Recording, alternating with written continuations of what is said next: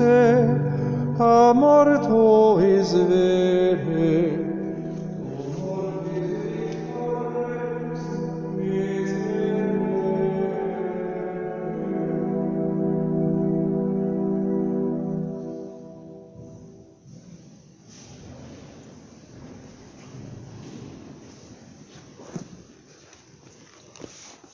De Heer zij met u. En met uw geest. Uit het heilige evangelie van onze Heer Jezus Christus volgens Matthäus. In die tijd gingen de vrouwen terstond weg van het graf. Met vrees en grote vreugde. En zij haasten zich het nieuws aan zijn leerlingen over te brengen. En zie, Jezus kwam hen tegemoet en zei, wees gegroet. Zij traden op hem toe, omklemden zijn voeten en aanbaden hem. Toen sprak Jezus tot hen, wees niet bevreesd. Gaat aan mijn broeders de boodschap brengen dat zij naar Galilea moeten gaan, en daar zullen zij mij zien. Terwijl de vrouwen nog onderweg waren, gingen enkelen van de bewakers naar de stad en berichten aan de hoge priesters alles wat er was voorgevallen. Deze hielden een bijeenkomst met de oudsten en na overleg gaven ze aan de soldaten een flinke som geld met de opdracht, zegt maar, zijn leerlingen zijn hem in de nacht komen stelen terwijl wij sliepen. En mocht dit soms de landvoogd ter oren komen, dan zullen wij hem wel kalmeren en ervoor zorgen dat gij geen last krijgt. Ze namen het geld aan en deden zoals hun voorgezegd was. Dit verhaal is onder de Joden verder verteld tot op de dag van vandaag.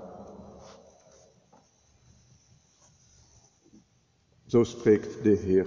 Wij danken God.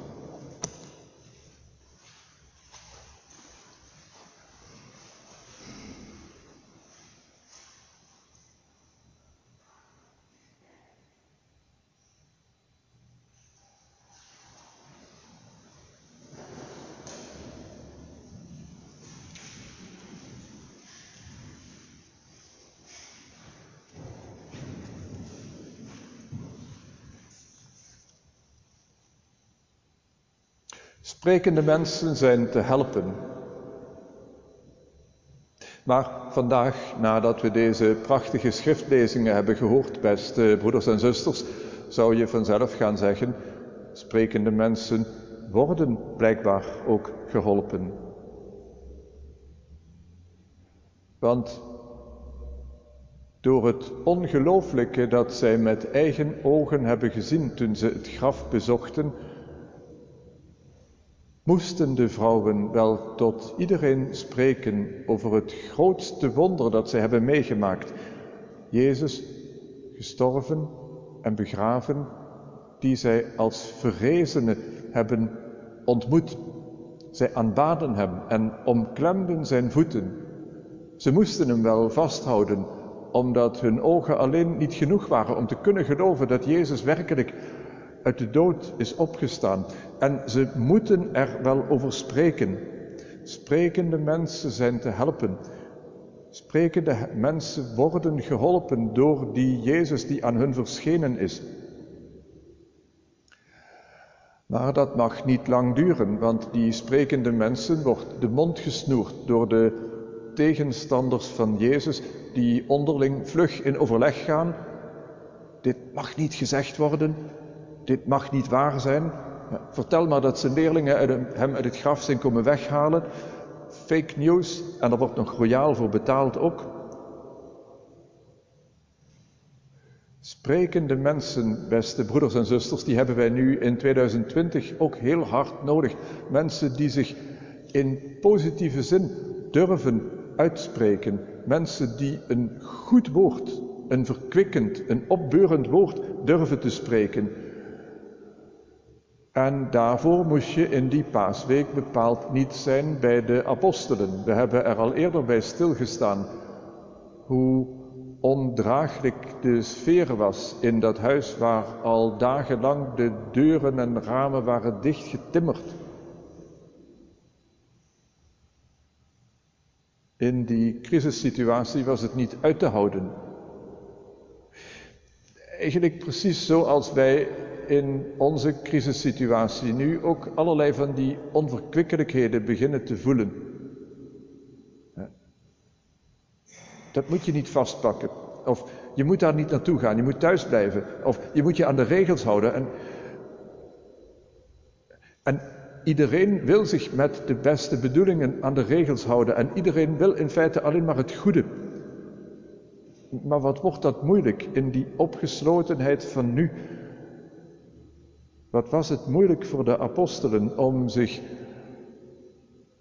uit te spreken over hun geloof, terwijl ze zelf helemaal opgesloten zaten in hun angst.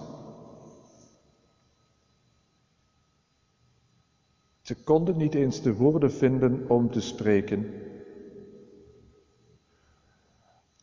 Dat is trouwens ook best moeilijk. In onze eigen taal kunnen we ons nog uitdrukken, maar fantaseert u even met me mee dat u komende zomer op vakantie gaat.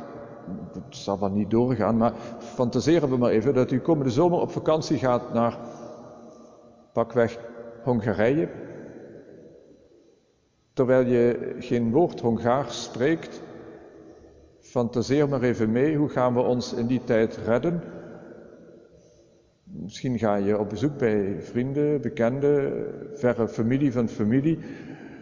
Fantaseer maar even mee, want dan ga je elkaar woordjes leren. Goedemorgen, goedenavond, smakelijk eten, wel te rusten. Eh, bier, dat, dat is zo'n beetje het basispakket van die woorden die je in een vreemde taal als eerste wil leren. Maar dat is altijd nog maar een heel beperkt basispakket. Dat is lang niet genoeg om je te kunnen uitdrukken. Wat zijn we verschrikkelijk veel rijker in de moedertaal die we zelf beheersen. In feite, beste broeders en zusters, heb ik gedacht, in feite moeten we weer helemaal opnieuw leren om de taal van deze aarde te leren verstaan. Zijn wij mensheid in de rijke landen en ook in de andere landen van deze wereld niet finaal weggegroeid van de natuur die ons juist in deze maanden te pakken heeft gekregen? Al zeg ik dat een beetje ongelukkig. Kunnen wij de natuur bedwingen, afdwingen dat die natuur zich naar onze economische regels gedraagt? De economische regels van een wereldeconomie die alles bij elkaar opgeteld voor 255 biljoen euro in de schuld staat. De Wereldbank gaat daarover de komende week online vergaderen.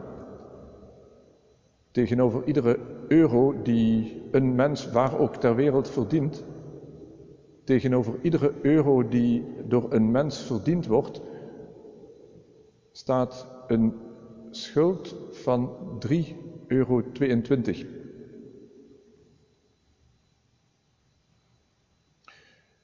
Een gigantische schuld, een onvoorstelbaar grote schuld waarop heel de wereld gebouwd is.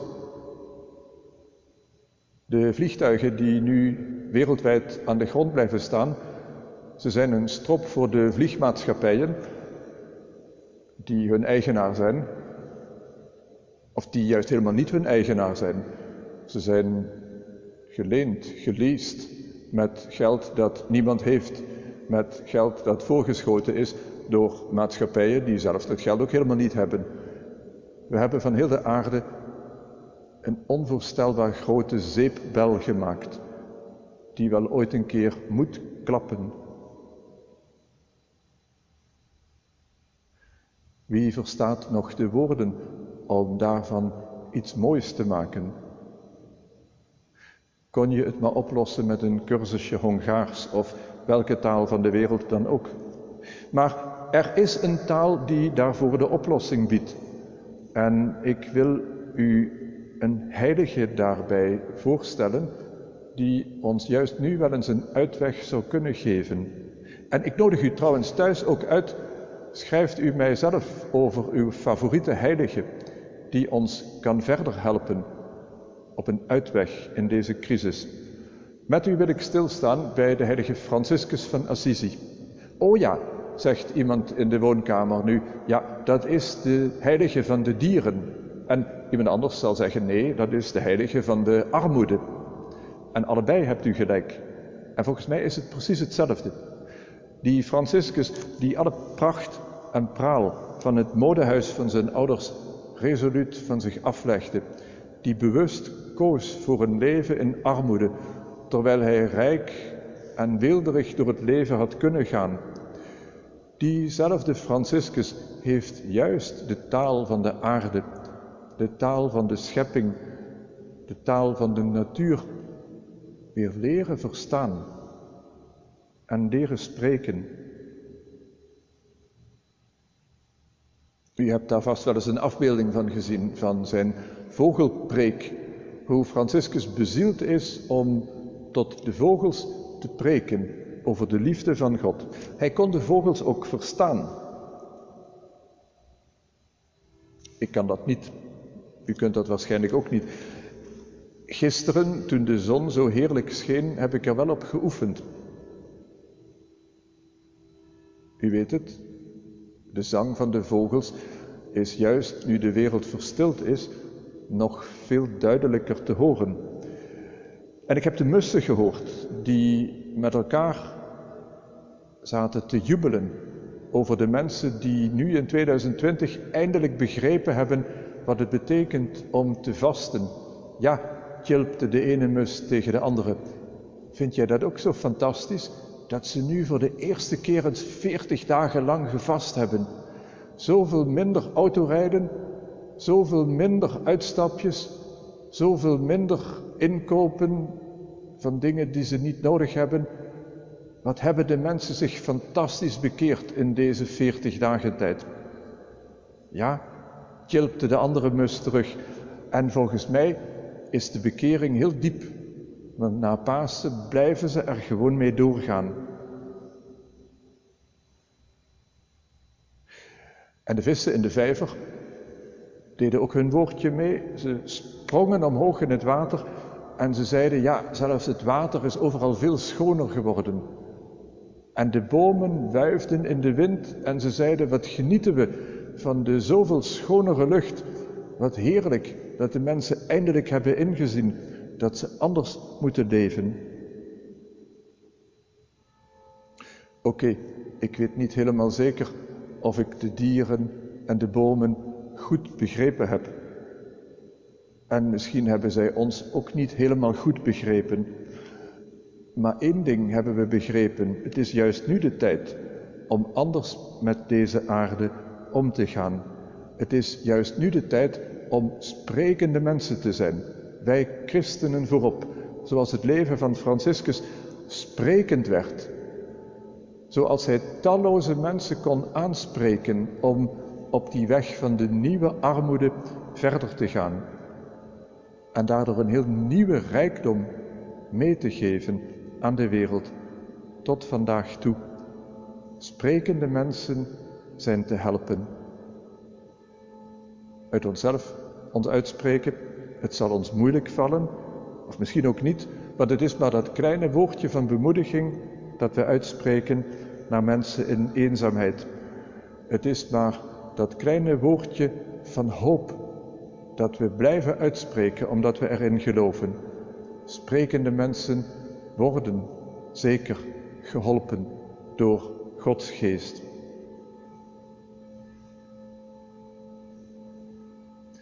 Laten we bidden om de gaven van die Heilige Geest, ook hier en nu.